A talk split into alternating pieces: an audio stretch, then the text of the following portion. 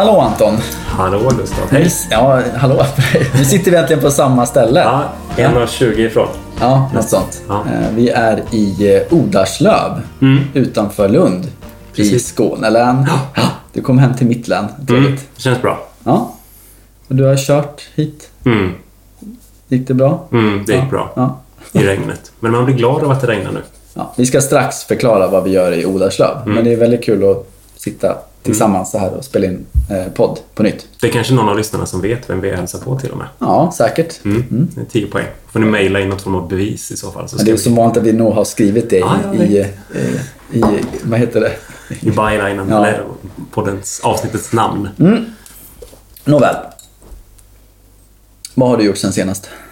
Jag har äntligen kommit igång med ett litet projekt eh, som jag gått och sneglat på sen jag köpte huset eh, som vi bor i. Eh, så det är ju nästan snart fem år. Eh, jag har fått hamla min gamla ask som är 250 år plus. Men då har den hamlats innan. Yes, Ja. det har den. Eh, förmodligen har den också fått någon form av åtgärd från diverse stormar sen innan. Eh, men jag räknar lite årsringar och kom fram till att det var sju år sedan. Ja, du, ja precis. Då har du, du har slarvat lite kan man Ja. säga. Eller? Eller vad är, vad är, vad, är, vad, vad heter det? Eh, vilka intervaller ska man hamla ask på?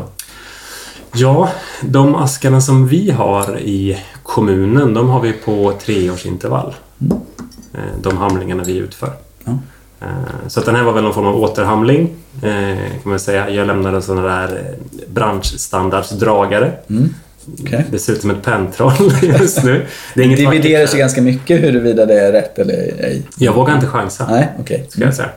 Så att, eh, men jag har inte klättrat. Jag har fått använda skylift och stångsåg. Mm. Eh, Jag har ingen utrustning och ingen utbildning för att klättra. Men det, det har varit kul. Mm. Lärorikt framförallt och det känns som man får eh, sköta om trädgårdens drottning på något vis. För det är ändå det där. Ja.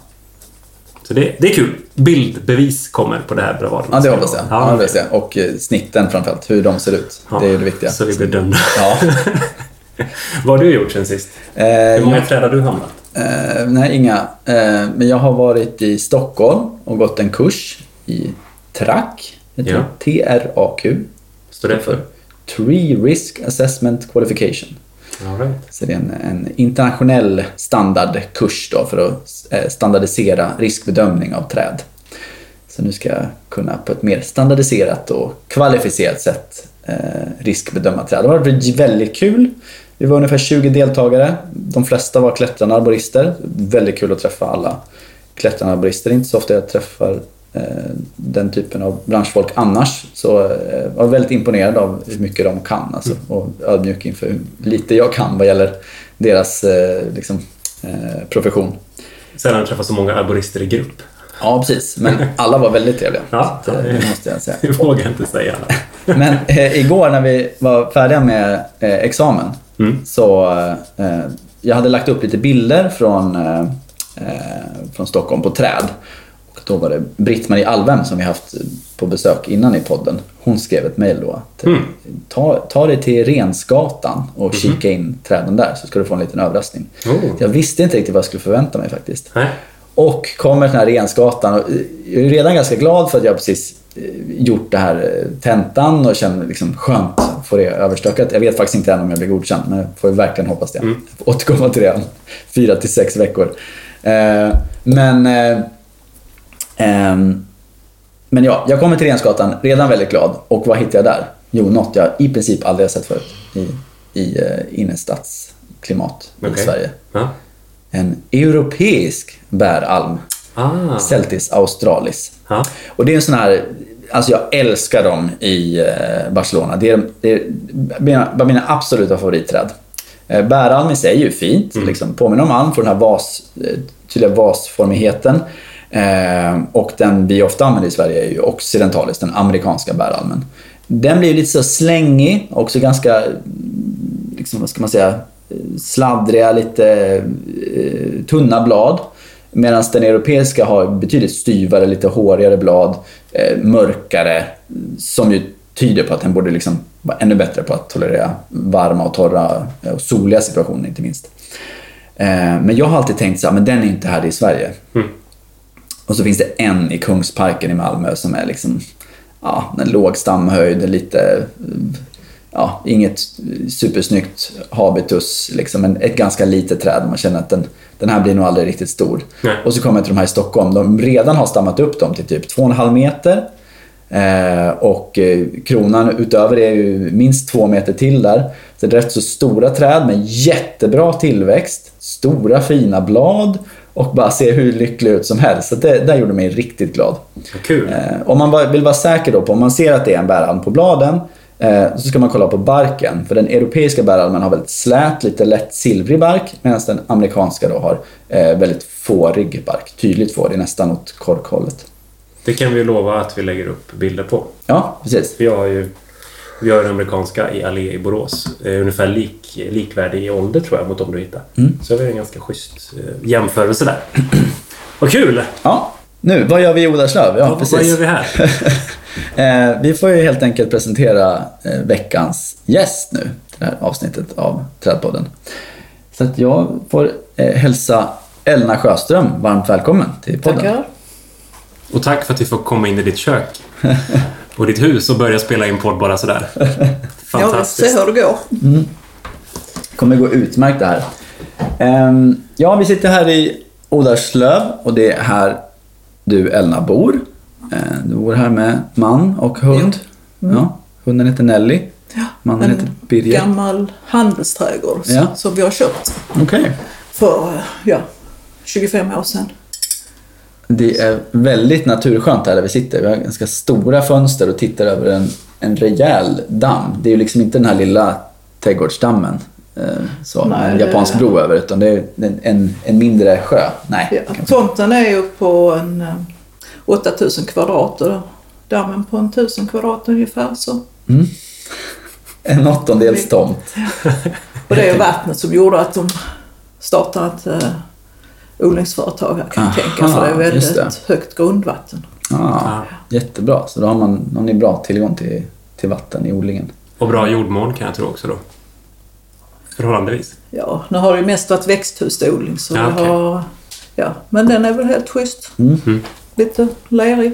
Ja, ja det är, vi har ju plantskoleodling bara ett stenkast härifrån. Precis. Odling av träd också. Ehm, och sen så ser vi här ute i trädgården, är det, redan nu ser jag ganska många djur. Det är ju inte bara växter här. Du har en del djur också. Ja, vi har ju myskankor. Ja, Det skaffade vi när vi fick mördarsniglar. ja, det var ju helt hopplöst. Vi var redo att flytta härifrån alltså för de började till och med klättra upp i träden och sånt. Ja, gullrängsträden så satt de mördarsniglar uppe i dem och det, man drömde om dem på nätterna och det var fruktansvärt. Men ja, de gör ett bra jobb. ja. De gör det. Du är nöjd med, eller ni är nöjda med? Ja, det Ja. är vi. Ja. Gott kött också. ja. Bra. Win-win. Det var nästan en jaktpoäng där redan Gustav. ja men precis. Ja, men här är det, så det är lokala råvaror, lokala ankor och sen så sitter vi med en fantastisk fruktskål här. Ja. Både plommon, päron, vindruvor och extremt fina fikon. Allting odlat här eller? Ja, Ja. Naturligtvis. Så här års. Så du snackar på Gustav, så sitter jag borta och smaskar i hörnet. Ja, men precis. Det blir lite så. Um, Okej, men eh, Elna, du är hortonom och du har arbetat med trädgård, ja hur länge då? Ja, vad räknar jag ut? Det var 38 år. Ja, något sånt. Något sånt ja. Ja, ja, det är väldigt imponerande. ja. Knappt 40 år i alla fall. Så. Och så driver du Odarslövs trädgård, heter företaget, tillsammans med Ja, Birger. det är ju bara ett litet företag som vi har haft sidan om Ja, medan vi jobbar. okej. Men vad Fast- gör, vad gör Odarslövs trädgård då? Vi förökar fruktträd Ja. huvudsakligen kan man säga. Det har varit alltså förökningsuppdrag. Vad, vad innebär förökningsuppdrag då? Då odlar man åt andra det man plantskolor? odlar på beställning alltså. Så vi går inte ut och säljer till någon externa kunder och sånt utan det har varit eh, försöksträd och vi har odlat till plantskolan där jag jobbade innan. Mm. Men varför, odla, varför eh, odlar de inte dem i plantskolan själva? Vad är det, vad är det ni kan som, som plantskolorna inte kan? Ehm, Ja, jag har jobbat på Stångby plantskola och Ja. där jobbar vi mest med fruktträd. Ja, Och där hade vi lite problem med vissa sorter som plommon. Eh, Det är väldigt kraftig lerjord mm. i Stångby och plommonspörna blev för stora. Så de när man då skulle ha in dem i kruka så funkade det inte utan det blev ingen bra kronbildning. Och, nej, man fick ju stympa rötterna för mycket. Och, Okej. så då började jag med att handdumpa och odla i 3,5 liters krukor. Så vi fick ett betydligt mindre spö. Ja. Okej. Som, ja, med bättre knoppar och bättre kronutveckling som följd. En lagom stor planta. Förstår jag det rätt då? Alltså, var det för bra driv i det stå vi hade? det var alltså en kraftig lerjord. Det blev ju ett spö som var 3-4 meter höga och så skulle man då ha en stamhöjd på en 90 centimeter så man fick ju liksom klippa bort mer än hälften och det, det funkar inte med knopparna till att bryta och bilda krona. Nej. Ja, nej men då är jag med. Jag är, alltså, Ja. plantskolevärlden är ju... Ja, men jag tror Nej, det är viktigt det är att vi, är, eh, att vi, vi förklarar här. För mig och Ja. Ella är det väldigt självklart Ja. det här. Ja, Men, ja, men- eh, det, Nej, det är bara att fråga på för jag, jag, är- ja, man är inne i det så. Ja, nej, men den kontakten jag har är ju... Eh, man får en lista och så får man ett pris och så dividerar man det och sen får man hem växterna. Mm. Besöken på plantskolor är jätteroliga men det är så intressant att veta just produktutvecklingen bakom. Mm. Men jag tror vi ska komma in ganska djupt på det faktiskt. Men jag tror vi börjar lite med hur allt började. Så du har 38 år i branschen, det är ju ändå gediget. Du måste ju ha ett eh, riktigt stort trädgårdsintresse. För att, liksom, ha, Alltså ha, trädgård är väldigt spännande och där finns ju hur mycket som helst så det är liksom 38 år ingenting. Det skulle vara 380 år kanske. men är det, är det så att eh, trädgårdsintresse har det funnits ända sedan barndomen? Ja, vi hade ju trädgård hemma och sånt och vi fick ju plocka bär och hjälpa till. Men eh, specifikt trädgård, det blev rätt så sent för ja, jag har alltid varit biologiintresserad och naturvetenskapliga ämnen och sånt. Sen läste jag Tyst vår när jag gick på gymnasiet. Vad hette det? Tyst vår, Rachel Carsons Ah, just det. Ja, bok. förlåt. Ja, Ja, jag är så gammal så det kanske... Ja, men den, den har vi pratat om innan lite Ja. grann. Okej, men du läste den och då hände någonting. Ja, och då bestämde jag att jag skulle bli resistensförädlare så man skulle slippa bekämpa så mycket. Ah. Vad, förklara resistensförädling då. Vad innebär det? Jo, att man tar fram motståndskraftiga sorter Ja. som kan stå emot eh, svamp och andra angrepp. Till exempel det vi har sett med almen som har drabbats av almsjukan. Eh, där man ju kan välja att vaccinera sina almar. Eh, eller så kan man börja byta ut mot annat. Men om man prompt vill ha alm så finns det faktiskt almar som är mer eller mindre resistenta mot, eh, eh, mot almsjukan. Men kanske ännu mer tydligt är ju i, i fruktträdssammanhang tänker jag. Ja. Eh, för vi har ju, det, skulle du säga, beror det på den här väldigt långa förädlingen som ligger bakom? Liksom, att, att, eh, att det finns väldigt mycket känsliga sorter där ute som är känsliga för sjukdomar? Frukt, det har ju odlats länge och man har ju varit behov av resistenta sorter länge. Det är, ju- man satsar ju odla på sånt som är friskt ju. Mm. Välja ut dem som funkar ju. Så det blir ju nästan ett naturligt urval kan man säga till att börja med. Ja. Sen har man väl mer gått in med riktad förädling och försöker korsa in resistens mot skorv och sånt som finns i rätt många sorter idag. Och hur, hur blir man en resistensförälder då? Vilken väg gick du? Ja, jag blev ingen resistensförädlare kan vi ju börja med för, men det fanns ju resistensförädling, alltså fruktförädlingen har ju skett eh, uppe på Balsgård. På det enda stället och det har väl funnits en förädlare kan man väl säga just inom äpple. Så det var ju rätt så smalt ämne jag gav mig in på. Men det, det var bara en tanke, en dröm. Ja, Och, eh, så därför valde jag att gå till hortonom. ja så du har pluggat det till hortonom liksom, mm. på SLU Alnarp? Ja. På den tiden så gick vi både på Alnarp och Ultuna. Ah, vilken lyx. Ja, det var det. göra. Man började med ett propedeutiskt år Ja, i Alnarp där man läste lite grundläggande och gjorde praktik. Och sen så läste man tillsammans med agronomerna uppe på Ultuna. De här grundläggande ämnena, växtfysiologi, kemi, biologi, höll jag på att säga, men ja. Mm. Allt det där grundläggande. Och där läste jag också växtförädling tillsammans med agronomerna. Och sen så fick man återvända till Alnarp. Men var det som idag en ganska teoretisk eh, utbildning eller fanns det mycket praktiska moment då i det? Ja, den, den praktik vi hade var de första Mm. året. Ja. Ja. Det var väl mer som en trädgårdsskola med sådana grundläggande praktiska grejer. Hur, hur trädgårdsföretaget fungerar. Och eh, ja, men du pluggade på SLU och när du var färdig då, var, vart hamnade du då? Då var jag ett litet tag på Alna på hjälp av Rune Bengtsson med litteratursök och sånt. Men det, det var bara en liten parentes kan man säga. Och sen så kom jag till Stångby plantskola där Ja. jobbade jag sedan hela mitt yrkesliv. I princip. Ja, det, du, du har ju lärt mig allt jag kan om okulering och ympning. Eh, vem är det som har lärt upp dig? Det är ju ändå ett hantverk också. Det är en väldigt stor del av det är ju, är ju det här faktiskt det praktiska hantverket också. Ja, det fick vi ju lära oss på det här propedeutiska året. Ja. I alla fall principen Mm. kan man säga.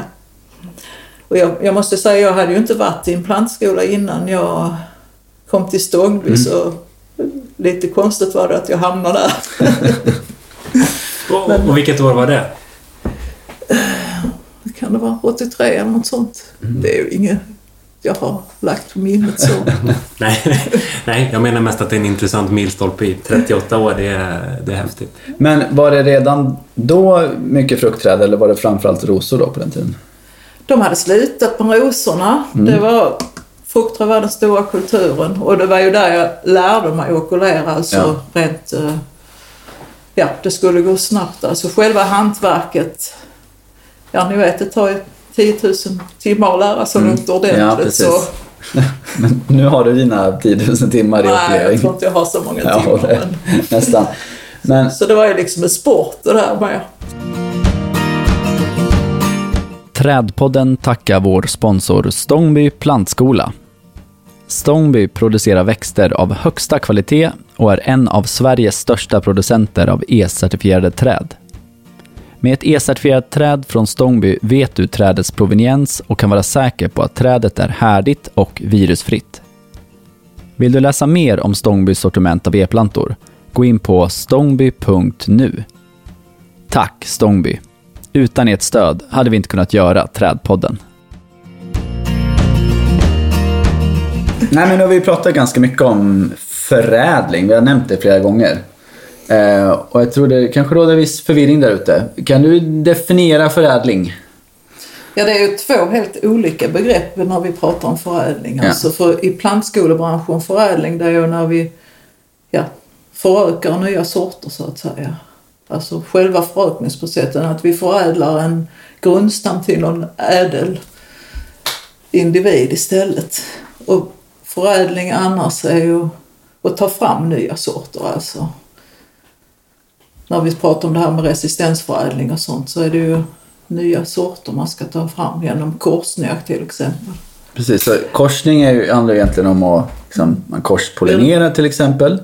Ja, eh, och, och, och väljer ut frön. Alltså det, det är på den nivån. Ja, Eller hur? Mm. Eh, och det andra förädling, det handlar ju egentligen bara om att klona på ett effektivt Ja. sätt. eller okulera och Hänger du med Anton? Ja, det, det, då vill jag förklara det med andra ord. Då. Okej. Ja, men det ena skulle man kunna säga är arbetet så att säga i produktionslinan. ja, Och det andra är mm, utvecklingsarbete. ja. Alltså lite så. Där fick du. Ja. ja. Yes. En plantskolestjärna fick jag. Ja. Precis, så men om vi går in på eh, den andra typen av förädling då. Vi går in på den här produktionslinan. Eh, så finns det ju olika typer av förädling. Där två ganska vanliga typer är okulering och ympning. Och du som är så proffsig på detta och har eh, extremt mycket erfarenhet av okulering och ympning. Kan du förklara skillnaderna på dem? Eh, så att alla lyssnare förstår. Ympning, då arbetar man med lite mer material kan man säga. En, kanske en kvist med lite flera knoppar. Lite mer ved. Mm. Och okulering, då arbetar man Ja, vänta, vi stannar kvar vid ympning. Och hur går det till då? Vad gör man med den här kvisten? Vi har den på ett träd. det, det är ett träd vi gillar och så vill vi klona det trädet. Hur, eh, hur ska man gå tillväga då?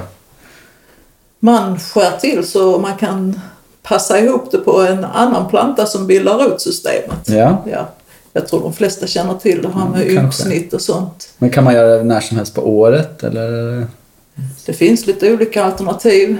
Här ympar jag mycket på vårvintern eller senvintern kan man säga, när materialet är i vila. Mm. Då är både grundstammen och den här sorten jag ska ympa i vila. För nu nämnde du den andra delen som behövs. Det ena är kvisten där du vill så att säga klona. Och du måste sätta det på någonting. Du måste sätta det på en grundstam. Vad är det enkelt förklarat? Det är den delen som bildar rotsystemet. Att vi ympar det är ju liksom att det är svårt att sätta rötter direkt på sorten eller att man vill ha speciella egenskaper som grundstammen ger. I fruktsammanhang så handlar det om växtstyrka, skördeutbyte och ja, sådana saker. En förutfattad mening jag har är att gemene man som köper ett fruktträd, låt oss säga äppleträd, på, en, eh, på ett gardencenter. Jag tror inte så många vet att, så att säga, det är hela trädet är inte en sort i grunden. Just att det är ympat. Ja, men det är ganska intressant. Jag vill gärna belysa det. För det, det är ju det man läser på etiketten. Till exempel A2. Ja. är En ganska vanlig grundstam. Det är den grundstam som används mest. Ja. Ja.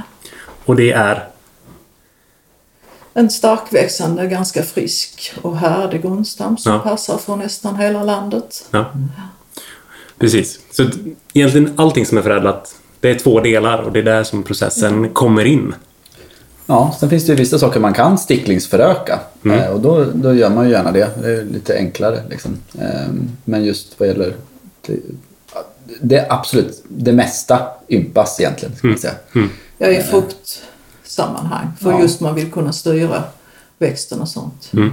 Det var ju en tid när det mikrofrökades plommonträd och sånt. Mm. Så de stod på egen rot. Mm. Men eh, ja, det blev ingen jättehit. Det blev väl för dyrt sätt att ta fram det helt enkelt. Just det. För då ja, odlar man ju på laboratorium under Ja, det, det är mer traditionell kloning, så som man tänker Ja. sig kloning. Att det är ett labb och man har ett, ett meristem, en tillväxtpunkt som man, som man eh, eh, delar i pytte, pytte, pytte små delar och så får man dem att Ja. och, och slå, bli nya små individer.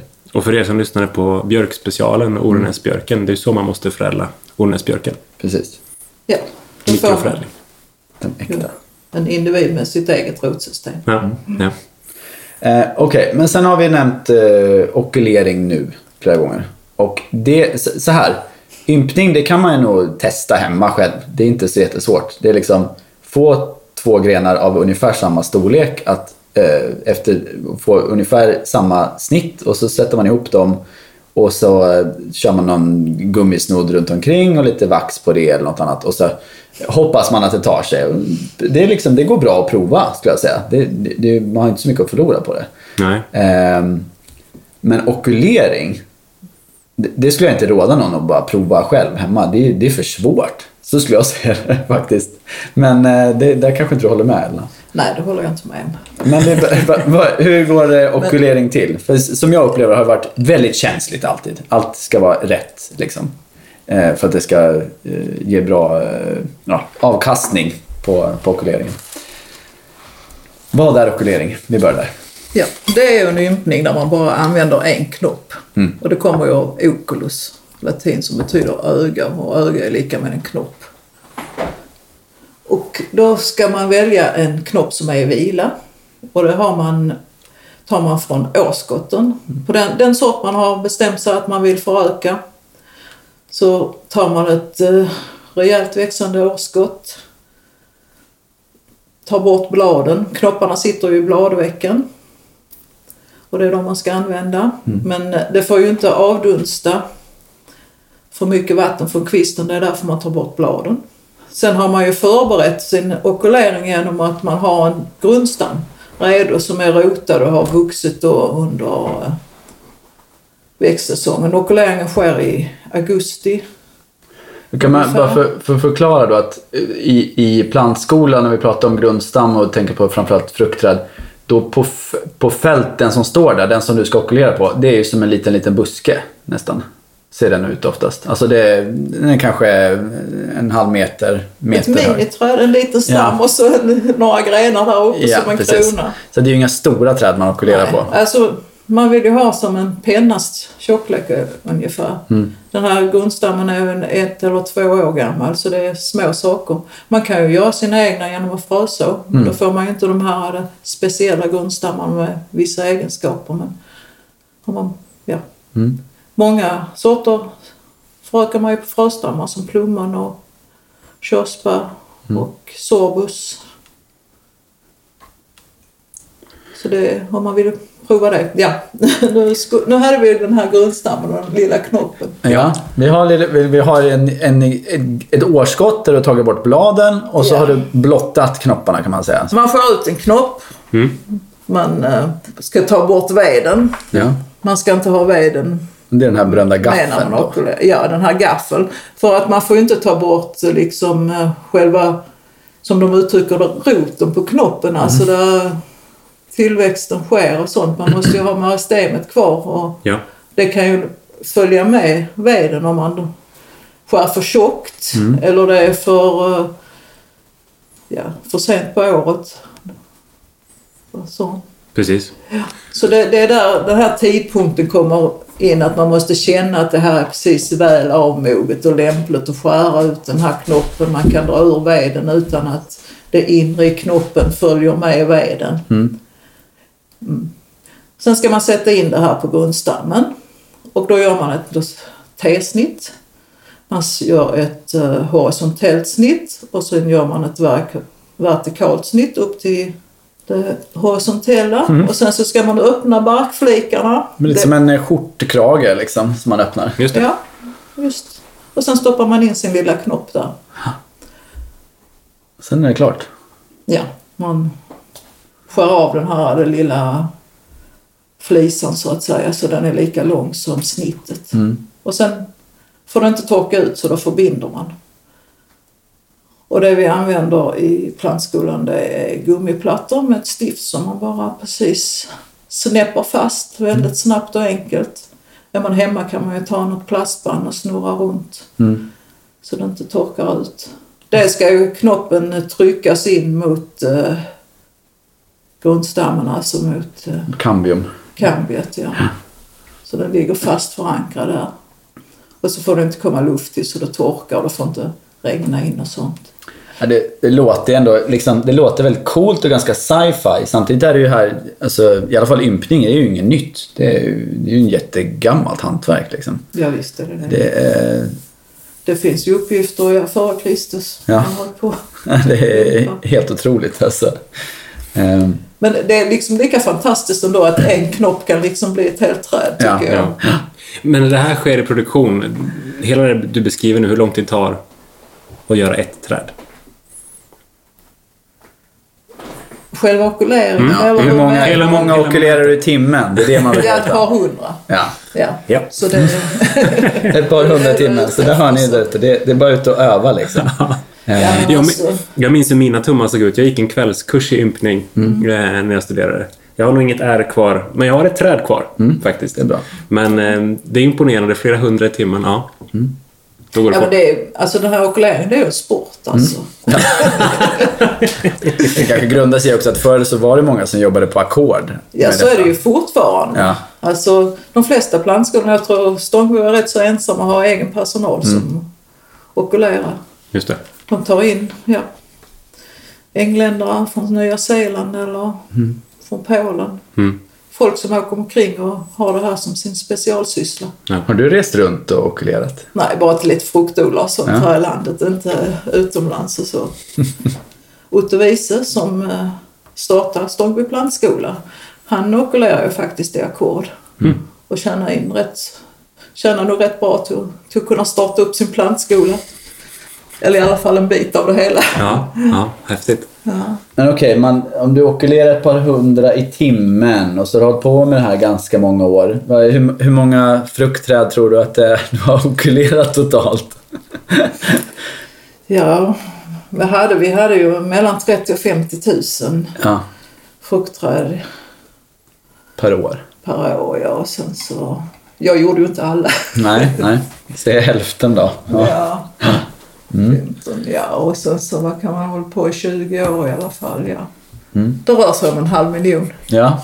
Om vi säger att eh, hälften av dem liksom lyckades ta sig ut hela vägen ut till Gardencentret och bli sålda då.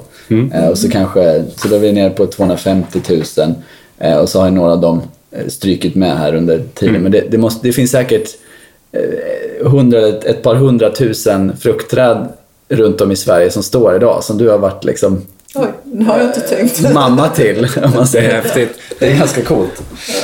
Och det belyser ju också just att det börjar med ett hantverk. Det är, det är en fin process. Verkligen. Mm. Det här är ju jätteviktigt att det liksom, hantverket inte glöms bort heller. Eh, Det är kul att, alltså det är ju, det måste ju göras. Det finns inga bättre metoder. Eh, Nej, det är ju väldigt simpelt. Och väldigt snabbt. Ja. Men ja, simpelt och simpelt, det, det beror på när man frågar. Eh, Alltså jag, du har ju lärt upp mig i okuleringen. Jag, Ja, så jag har ju gjort Det är- kanske några tusen totalt, max. Liksom. Så att, eh, ett, och jag skulle nog göra 20 i timmen om jag försökte idag, typ. Och så har du en överlevnadsratio på dina som kanske är lite lägre än Elnas. Ja, det också. Ja, precis. Men, men eh, eh, ändå glad att jag har eh, fått prova på och lärt mig det. En detaljfråga jag fastnar vid. Eh, när man skär ut ögat, gör du det och sen ner på en grundstam och sen skär du ut och ner på nästa eller har du skärt ut dem innan? Nej, nej, det, Nej. man gör ju det en följd. Man går ju Ja. dubbelvikt över de här grundstammarna. Ja. Och sen har man sitt okulationsris i ett uh, rör på vaden. Just det. Fastspänt så, man, så man inte behöver resa sig utan Nej. att man bara kan uh, mala på. Riktigt bryta ryggen. Ja. ja. Nej, men då, då är jag med i momentet det går i en följd. Man skär ut sitt öga och sen så sätter man in det med sitt T-snitt och sen är man redan liksom och skär nästa knopp. Ja. Så Va- Varför, varför föredrar man okulering framför ympning då? det går ju åt mindre material. Ja. Ja, man kan ju snabbare om man har en ny sort som behöver förökas upp. En knopp istället för kanske två, tre när man ympar. Och sen kan man man skär ju riset precis innan man ska okulera så man kan ta- det från ett växande träd. Man behöver inte laga riset till ympningen. Det gör man ju på vintern. Man får klippa det och lagra För det. det glömde vi fråga, när, när på året är det bäst att okulera? Augusti. Ja. Ja, det går i andra tider men det är då riset är moget. Och grundstammen också är, ja, och gunstammen också. Man kan, man kan ju okulera med sånt ris som har varit i kylen också. Mhm. Men ja, det är lite special. För att den här knoppen ska växa fast då direkt när man har satt in den. Men den ska inte bryta och börja växa för då blir det ju ett väldigt vägt skott som inte klarar vintern. Ja, precis. Så den ska vara, hålla sig lugn och ro till nästa vår för då kapar man den här grundstammen och så får Mm. ögat växa till. precis. Det är sista delen i förädlingen kan man säga. Man tar bort allt, allt, all grundstam ovanför Mm. Ja, knoppen. Det måste man ju hålla undan sen så det inte kommer skott från grundstammen. Det är alltid en sån del i utbildningen, vet jag. Man går, och, går på en växtvandring och så går de lärare och skrockar åt någon som har missförstått vad det är de odlar i trädgården till exempel. Mm. Just det. Så att man man har köpt en förädlad sort men det är grundstammen som står Ja. där idag. Ja. Det ser vi ju väldigt ofta i, i prydnadskörsbär till exempel. Att Ja. grundstammen tar över. Och, eh, vi som jobbar i branschen ser ju då att det, det är grundstammen som har kom, kommit in och tagit över. Men inte alla som ser. Och en trollhassel som blev en hassel. Ja, och många tycker det är ganska magiskt att de har ett körsbärsträd som blommar både i vitt och i rosa. Och. Otroligt. För att kunna okulera själv hemma, Ja. vad behöver man för utrustning? Du nämnde det här eh, vad... Eh, ja, det behöver man ju re- rent inte. ja, men kör hela, kör hela kittet. Nej. Det man behöver är ju en vass kniv och det finns ju speciella okuleringsknivar. Mm. Men det behöver inte heller vara en sån. Jag har ju okulerat med en sån här schweizisk kniv också. En liten fickkniv. Så det är ju liksom inget krav. Den ska vara vass Mm. och ganska tunn och ren. Ja. Och sen behöver man ju någonting att okulera på. Ja. Det kan man kanske hitta en fröplanta. Just det. Och sen så behöver man något att binda för. Ja. Så att eh, det är ju inga konstiga grejer. Men okej, okulering låter ju väldigt smart. Ett bra sätt att eh, föröka. Kan, kan man, skulle du säga att finns det någon, någon släkte som inte går att okulera? Som är omöjligt? Ehm, Alltså vi har ju en modifierad okulering kan man säga på körsbara plommon. Att man gör något som heter chipbudding istället. Ja. Att man skär ut eh, knoppen med en bit ved. Och så gör man ett motsvarande snitt på grundstammen. Och så En liten tårtbit. kilar man fast den där ja. Man gör en liten kil och så det ska passa in. Mhm. För jag vet att du har väl okulerat till och med Magnolia? Ja, där gör jag chipbuddingen. Ja, det är chipbudding, förlåt. Ja. Ja. För då, då får man alltså cambio mot cambio. Det blir en bättre sammanväxning. Mm. tar lite längre tid och, men eh, mycket bättre på något sätt. Mm. Det lärde jag mig senare. Mm. För körsbär och plommon funkar inte så, eller prunus överhuvudtaget. Det, det funkar bättre med lite ved. Mm. När man ska föröka dem. Ja. Ehm, ja, men nu har vi varit inne lite på vad, vad du har gjort och du har lärt dig i karriären här. Lärt dig väldigt mycket om förädling och det är det du har jobbat med. Och idag jobbar du bara här hemma på gården. Det Ehm, låter som jag har okulerat hela min plantskoletid men det är liksom två veckor Ja, precis. varje år. Ja, ja, det är sant. Men det är det som jag tror lyssnarna vill höra mest om. Ja. Sen har du jobbat massa annat också på plantskolan, såklart. Eh, helt rätt. Men, men vad, eh, vad gör du idag här på gården?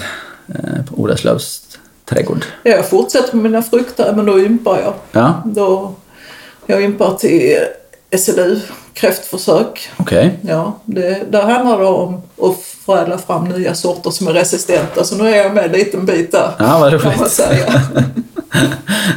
och drar upp träd till dem.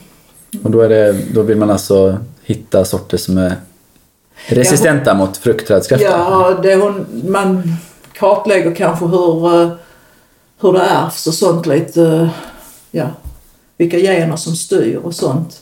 Det är väl ingen sån här enkel resistens som med skorv där det liksom kan vara en gen som styr den här resistensen. Kräftan verkar mycket mer komplicerat. Men det kan inte jag prata om. Okej, men du har två stora växthus här på, och vi ska gå ut och kolla där också eh, om en liten stund. Ehm, Men vad, vad finns det där inne? Kan man, kan man komma hit som privatperson och köpa fina Nej, träd? nej. Alltså, enstaka träd förökar jag till privatpersoner som vill ha liksom, sitt speciella träd förökat. Oh, där hör ni. Det är inte så sällan när det är liksom, den här är min mormors gamla eller den har Nej. stått här i alla dessa tider och så fin och, och, och vad roligt. Så du gör den typen av uppdrag? Det har jag gjort hela tiden men det är bara ett par stycken om året. Ja, ja, ja. Mm, spännande nisch. Det känns som en växande nisch.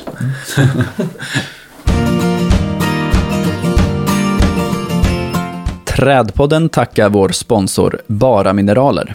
Nordens största leverantör av pimpstensjordar till stadens utmanande gröna miljöer.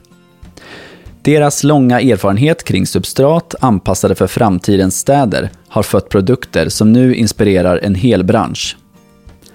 Besök baramineraler.se och inspireras av projekt byggda på goda grunder. Tack Bara Mineraler. Utan ert stöd hade vi inte kunnat göra Trädpodden. Det händer ju ganska mycket i, i vår bransch, har gjort de senaste tio åren och trädgård har blivit en trend till exempel. Det, är väldigt, det är väldigt många som vill pyssla med trädgård. Det är den här gamla spaningen som vi har snackat om innan att eh, du ska vara hem, hemmasnickrare först, du ska bygga ett eget hus och du ska renovera ditt kök och sen ska du renovera din terrass och sen så har du ramlat ut i trädgården. Ja, det är inget nytt egentligen. Det är bara att vi, det fanns en period där vi glömde bort det där. Nu börjar det bli poppis igen. Ja, ja, ja, precis. Eller så är det för att vi två är i det skedet av livet. Jag vet inte. Men det, det, det, det går i alla fall bra för trädgårdsbranschen. Ser, du någon, ser du någon stor förändring sedan du kom in i trädgårdsbranschen eh, fram till idag? Till exempel de här tidsaspekterna. Nu förstår jag inte riktigt vad du menar med Jag tänk- jag tänker jag kan att, säga att det eh, har ju förändrats väldigt mycket. Intresset har ju blivit så enormt mycket större. Det, förr var det ju ett fåtal sorter vi odlade. Det är ju enormt sortiment idag. Sluta jämför, liksom, det, var, det var ju liksom standardbuskar som sattes i kommunerna. Det vet ni hur miljonprogrammet såg ut och Ja. så. Ja. Och sen har ju kvaliteterna blivit större. Det är Mm. väl också en Mm. stor förändring. Ja. Ja, ni hör ju nu, vi odlar 50 000 fruktträd, eller satt Mm. 50 000 grundstammar. Nu sätts det 5 000 på skång, om jag inte har helt Mm. Fel för mig. Men då drar man ju gengäld upp mycket större kvaliteter Mm. som är krukodlade och så. Mm. Just det. Det var lite dit jag ville komma, att, att efterfrågan på större träd Ja. har ökat. Ja, Och det kan du verkligen bekräfta. absolut. Ja. Jag kan säga att det vi sålde då på 80-talet, det var ju 10, 12, 12, 14 aletrar som var barrotade. Mm. Så det är en enorm skillnad. Ja. Det är ganska roligt, för samtidigt, även om det liksom, man ser det som en, en eh, fantastisk utveckling, liksom, å andra sidan, det, idag är det nästan ingen som kan hantera barrotade träd. Nej. Alltså plantskolorna kan det, men i anläggning är det ju få som, som, eh, som fixar det. Ja, det är lite synd. Mm. Det är mer miljövänligt Ja. jag säga, men barrotsplantor och lite mindre kvalitet och hela det. Jag skulle också säga att det är ganska svårt att, att köpa dem. Jag som kommun som skulle vilja köpa stora volymer, jag blir snarare en konkurrens till, till plantskolenäringen. Jag kommer att vilja köpa mycket barotat i små kvaliteter. Det är svårt att få tag i. Ja, nu håller de på dem. Nu vill de göra dem stora. Mm. Ja, ja. Och jag menar, och titta, jag, jag har fått förmånen att eh, ärva en trädplanteringsbok. Eh, för den personen som, en av dem som jobbade på parkförvaltningen tidigare.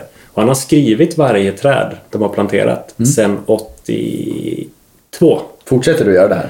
Eh, digitalt. Ja, bra. bra. Ja, Men de var ju satt ju uppe i, något år så var de uppe i 5000 träd. Då tänkte jag, men hur fick de råd med det här? Spön. I stora, stora landskapsplanteringar. Ja. Och sen hade man en skötselprocess för det. Vi är ju inte där idag. Och det är så tråkigt och jag tror att vi skulle spara ganska mycket medel också. I alla fall i investeringsbiten när vi gör anläggningen. Sen får man ha en annan skötselstrategi. Men det, det, det, ja, det är lite synd att vi inte har med tidsaspekten och vi har så bråttom. ja, det kan jag hålla med om. Det var ju landskapsplanteringar som sattes när jag var Ja. ny i branschen så Ja. att säga. Samtidigt som det är fantastiskt att man kan köpa stora träd om man behöver det. Men det kanske inte skulle vara genomgående ett helt projekt. 35-40 kvalitet, poff, klart. Ja, jag, Men man behöver väl alla delar. jag är villig att hålla med, absolut. Ja, nej, det är bara en... Men jag tror att det krävs, då krävs det ju ganska mycket fortbildning av de som ska hantera och plantera träden. Och framförallt eh, kanske att man eh, vänder sig ifrån den här flexibiliteten. Att man, nej, du kan inte få träd året runt. Nej. Du kan inte få dem levererade när som helst. Här får, här får det gröna i projektet får styra tidsplanen. Tvärt emot att, att det gröna bara ska anpassa sig i tiden. Ja. Det handlar ju mycket om att plantskolorna vill ju liksom ha lite jämnare arbetsbelastning och sånt. Så vi har ju liksom själv jobbat för det i plantskolorna. Allt det här krukodlet. Men jag kan ju säga att när jag kom till Stångby så var alla de här tvåårsfruktträden, de var barrot. Det odlades inte i kruka ett dugg. Och jämnare kassaflöden också kanske. Ja, det är väl en del av det hela. Ja. Något som vi brukar fråga alla våra gäster om är ju eh, om man har något tips på ett bra resmål. För vi vet att våra lyssnare vill gärna se sig om i världen och titta på eh, häftiga trädgårdar och annat. Har du något tips på ett, ett bra resmål? Det kan vara både i Sverige eller internationellt. Men nu får vi ju snart ge oss ut, eller vi får väl redan ge oss ut. Ja, Ja. precis. Jag tänker på en eh, arboretum utanför eh, Pinneberg. Det ligger utanför Hamburg. Det är ett plantskoleområde. Där det odlas väldigt mycket Mm. växter. Och arboretet heter eh, Ellerhop, Eller, Tinsen. Och det var en plantskola som har gjorts om till ett arboretum. ah, Jag var där under min utbildning med Birgitta Nordström på studieresa och jag, sen har jag besökt ett par gånger och senast, det var något år sedan. Mm. Och där händer hela tiden saker så det utvecklas och det, jag tycker det är en fint resmål. Är det förvaltat av någon stiftelse eller är det privat? Eller vet, du, vet du något om Ja, det? det är nog plantskolor, alltså själva grönnäringen på något sätt. Det, det har jag inte koll på. Ja, det det är ju jättekul just att så här, plantskolorna behöver ju veta vad det är de säljer. Så det är kul att kunna, att då är det väl antagligen mycket av de sorterna de säljer så får de se dem som fullvuxna. Vidare. Nej, det är en fin park alltså framförallt. Ja. Det heter arboretum men ja, de har väl många sorter men det är en väldigt fin park. Inte så stor men attraktiv. Där är en ehm,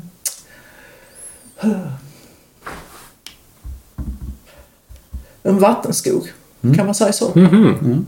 Kan man säga. Mm. Med eh, taxodium då som jag tycker är väldigt häftigt. Ah, alltså sumpcypressen, den vi hittar i Louisiana, eh, vilt.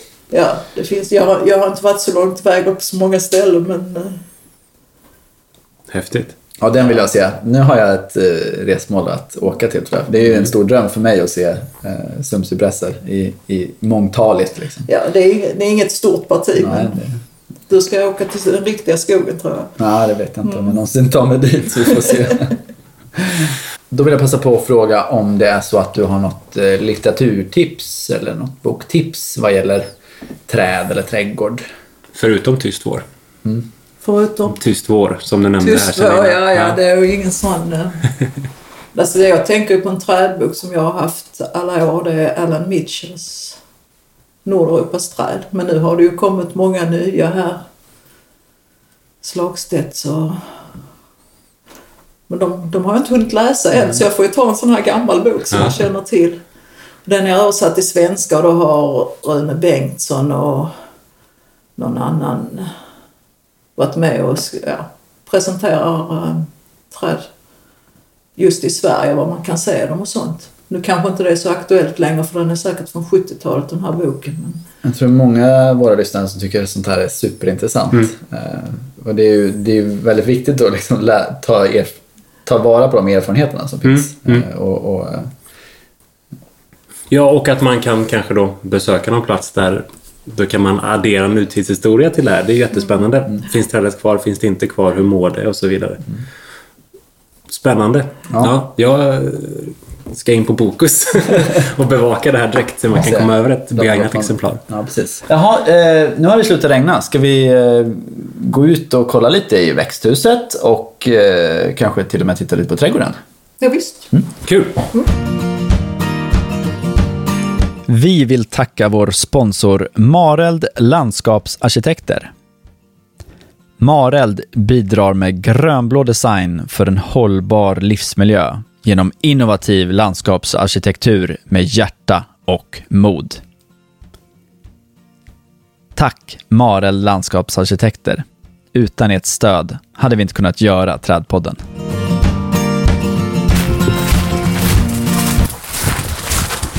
Jag inte kommit in där. Nej, jag bara tänkte, jag har spänt fast dörren för vi var iväg. Om det börjar blåsa så kan det...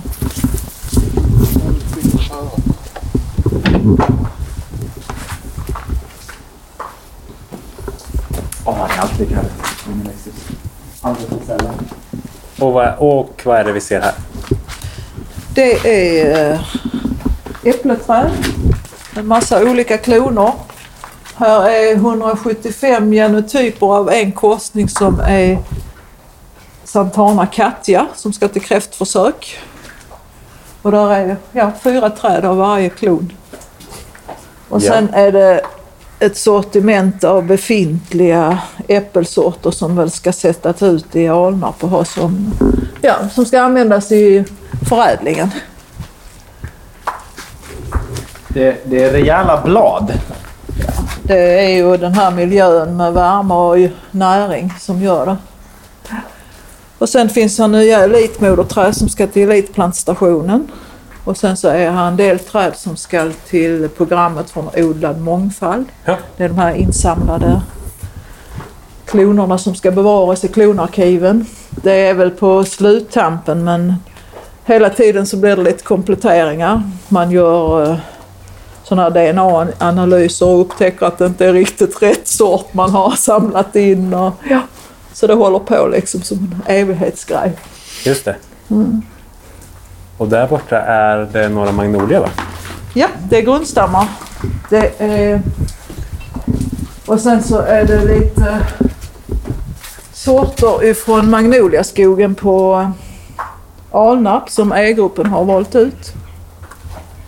De ska ha uppfrökat fem olika genotyper och ser inte ut att må så bra. Men hoppas vi kan klippa ris på Alnarp också för att eh, de ska förädla nästa vår. Okej. det här är he, ska man säga, helt nya sorter. De heter ingenting än. Nej, de heter inget. Ja, de har kallar Ja, dem precis. ju Någon lite... nummer. De har väl arbetsnamn så att säga. Men det är just E-gruppen som vill ha. Det, är ju, man måste ju, det glömde vi ju säga. Att man måste ha rätt eh, typ av grundstam till uh, träden. Man, kan ju, man måste ju ha en äppelgrundstam till äpple och päron till päron och hela det köret. Det är rätt viktigt. Ja.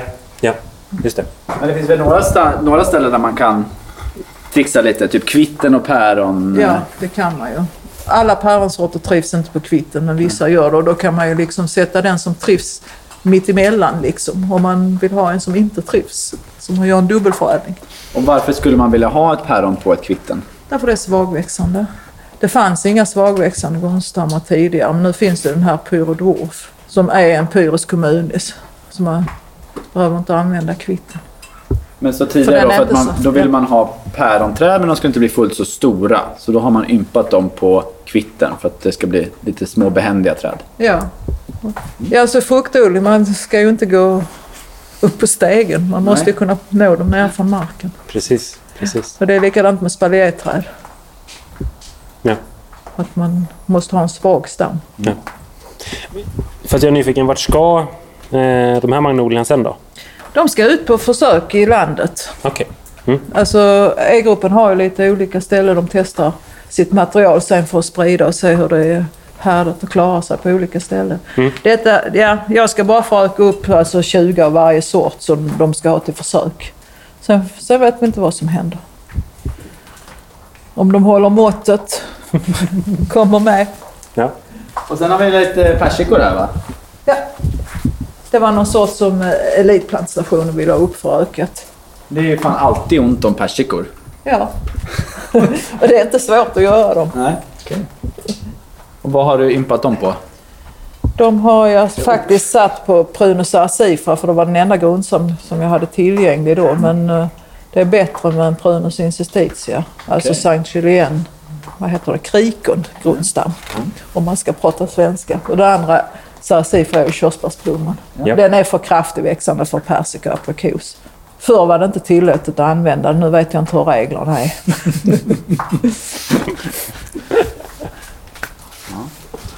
Det var, det, jag tror det var mer begränsningar för när, med Jordbruksverket som eh, sa vad man fick och inte fick. Nu är det ju plantskolorna själv som har satt upp de här reglerna. Så det är kanske ännu strängare. De här magnolia grundstammarna, är det vanlig magnolia kobus eller Ja. vad är det vi tittar på här? Det är vanlig Magnolia cobus. Ja.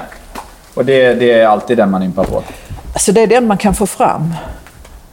Ja. Eh, Sen får vi hoppas att det funkar. Alltså. Så, Acuminata är vill väl Magnolia folket ha ibland. Jag är inte så insatt i just Magnolian. Men eh, där är det svårt att få fram frö. Och, men de har väl hittat någon bra frökälla nu har jag hört det från Magnus Karlström. Så det är väl på gång med Acuminata som grundstam också. Ja, sen är det Tidia och det är också till E-gruppen eh, Sjömans insamlingar i, var var han nu? I Rumänien. Mm. Och sa- samla silverlindar, men detta är också bara grundstammar. Så de kommer jag att chippa till våren också. Ja. Du ser jag har olika etiketter här, vem som har beställt. Blå det är Balsgård och de vita är Larissas och gula är till och sen så är det Tom här med de röda. Och sen är det lila, då är det någon sån, eller rosa, då är det någon sån här liten anläggarkund eller privatperson. Och det här. Jag tror ju på den här affärsidén. Ja, duktiga människor skulle jag säga som, som liksom letar upp någon som kan föröka deras träd. Det är ju... Ja, Ja. tyder på ett visst intresse också. Ja. Jo, men jag tänker också att det är ett alternativ. Vi, vi skojade innan om att då får man ringa en trädflyttarfirma. Men jag menar, det här är ju faktiskt en annan variant av det. Ja. Ja, det- Jag, jag har ju min mormors dahlior hemma. De vår- vårdar jag ju ömt. Ja. Det är inte de vackraste, men de är kul att ha två sorter. Ja. Men skulle jag vara tänkt ett steg längre så hade hon ju ett jättehärligt plommon. Det var säkert ett vanligt, jag ska inte säga opal, men det hade ju funnits ett, em, ett dubbelt värde i att föröka det från det trädet. Ja. Jo men det är ju som... Jag förökar ju körsbärsträden då från min farfars ställe Ja. liksom. För de, de minns jag sen jag var barn liksom. Fast då var det ju jättestora körsbär men nu. Men det är ju som man upplever det. Ja, Nu, nu Ja. tycker man bara det är små men det är ändå roligt att ha. ja. ja det. Återigen, jag tror på idén. Jo, Om inte jag annat- hade väl det som idé ett tag att jag skulle Ja. marknadsföra och göra så men det blev inte. Smaka på den här. Ja, varsågod. Jag vet inte, där är väl någon skojler kvar. De är riktigt goda. De här var goda. Jaså, då är de mogna nu och det är en gammal sort från Alna. Blå Donau, eller som jag fick när jag jobbade på bär. Är det svårt att artbestämma vindruvor? Vad är svårt att bestämma för smak? Det Jag tror de. att de som kan smakar noga. Ja. Ja, men det är som äpplen. Du kan väl... Du kan själv ta den glasen. De, de, Den? De, ja, Scoiler är det. Den är ju en sån sort som säljs allmänt. De brukar vara goda. Oj, det var något annat. Men det minns jag ibland. Andra man, tycker jag är tråkiga. Så de bara Mm. hänger där med mjölk. om man inte visste vad det, var för, vad det var för äppelsort, då kunde man gå och fråga dig och då skulle du ofta smaka och då visste du direkt vad det var. Ja, det är det. Ja. Det är coolt. Det är coolt. Den var jättegod. ja, de... Vad heter den? Eh, Scoiler. Skoj. Eller ja. S-C-H-U-Y-L-E-R. Ja. Det kanske inte uttalas så. Nej. Mm. Ja. Tysk sort. Eller? Ja, jag vet inte. De danskarna, jag vet inte var sorten kommer ursprungligen, men Nej. danskarna har ju förökat den. Skyla. Ja, dans. Nej, Vi tittar lite på eh, trädgården också. Ja, ja. Nere mot dammen. Ja. där. ja, vad trädgård vi har det är ju det vi kallar Paderborg. Paderborg. Vi odlar grönsaker. Nelly, kom här. Här är väldigt eh, läcker tycker jag. Just med siktlinjen. Att man ser att det, det öppnar upp sig här bortom häcken. Här har vi vår grönsaksodling. Det var växthus när vi flyttade hit som vi har rivit. Oj. Här har vi grönsaksodling. Ja, nu är det höst. Men ändå. Solskyddet är intaget. Ja. Men jätteverbenan blommar för fullt. Jajamensan, den är tacksam. Så fint. Våra torrkastlar jag har... eh, Jag skulle så gärna vilja kunna fröka hasslar också. Mm. Så att eh, jag har uh, grundstammar på gång nu jag har sått men eh, Okej.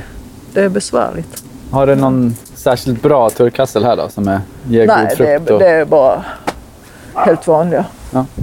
Vi köpte dem som grundstammar en gång i tiden och då försökte jag chippa hasslar men nu har det blivit stora träd och nu tar jag frö där och gör nya grundstammar. Ska se om jag kan lösa det. Ja.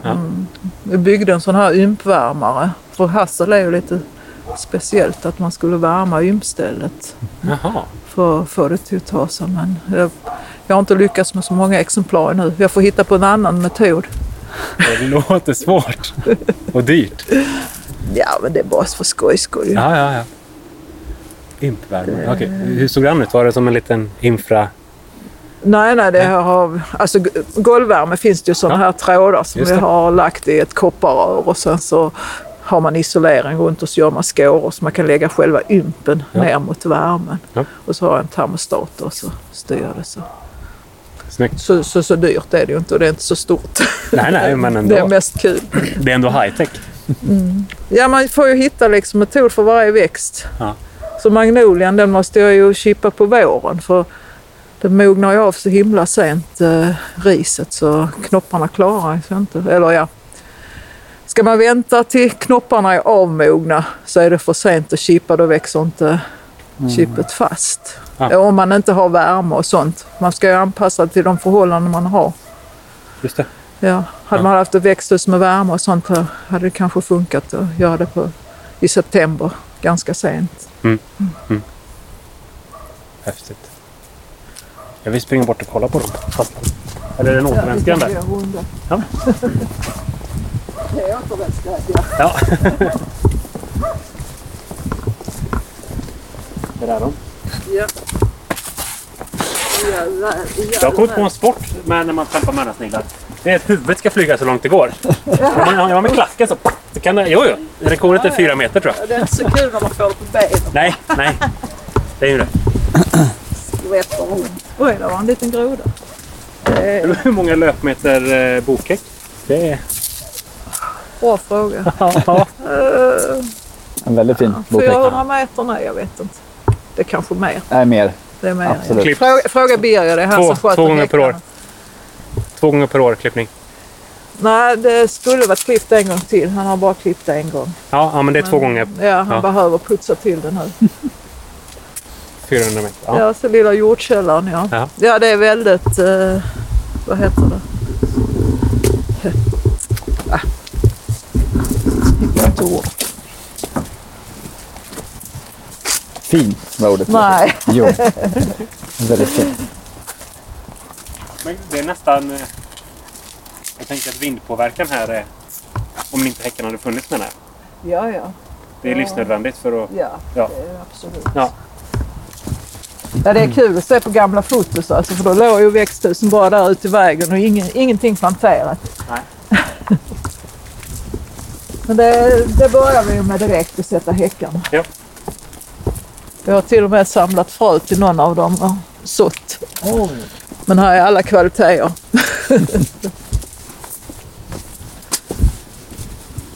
Men det är ett bra trädgårdstips också. Just det där, börja med avgränsningen. Ja, vi har inte kommit längre. Vi får ta nu när vi är pensionärer får vi ta resten. Jag tycker ni har kommit väldigt långt. gjorde stummen. Ja, det är ju så. En trädgård blir ju aldrig färdig. Nej, det ska Det det, inte inte. vara i och för sig.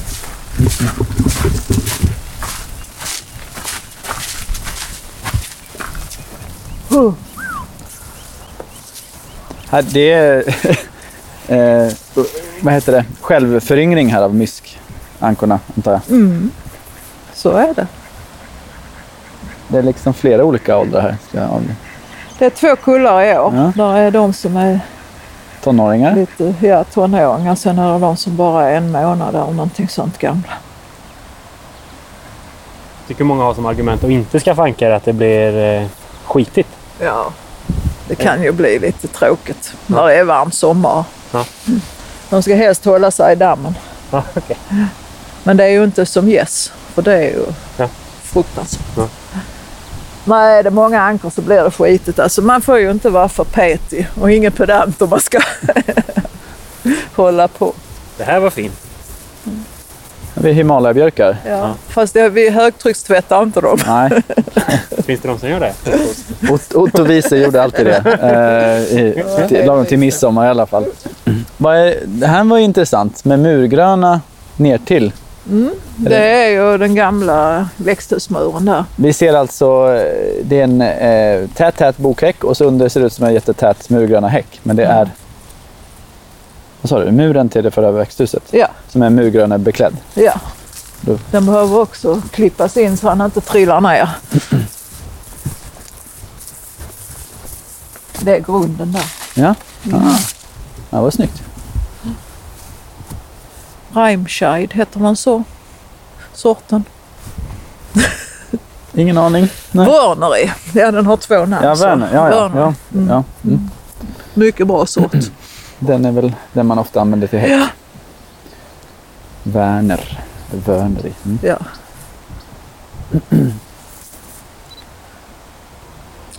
Jag vet att Anton har en liten fäbless för kaskadpilar också. Ja, jag ju ja, ja. Ja, vi hade ju en till där men den uh, la sig ner. Jaha. Men nu har vi inte, vi har inte lyckats få bort hela. Men vi får ta hit en arborist som kan ge sig i kast med det.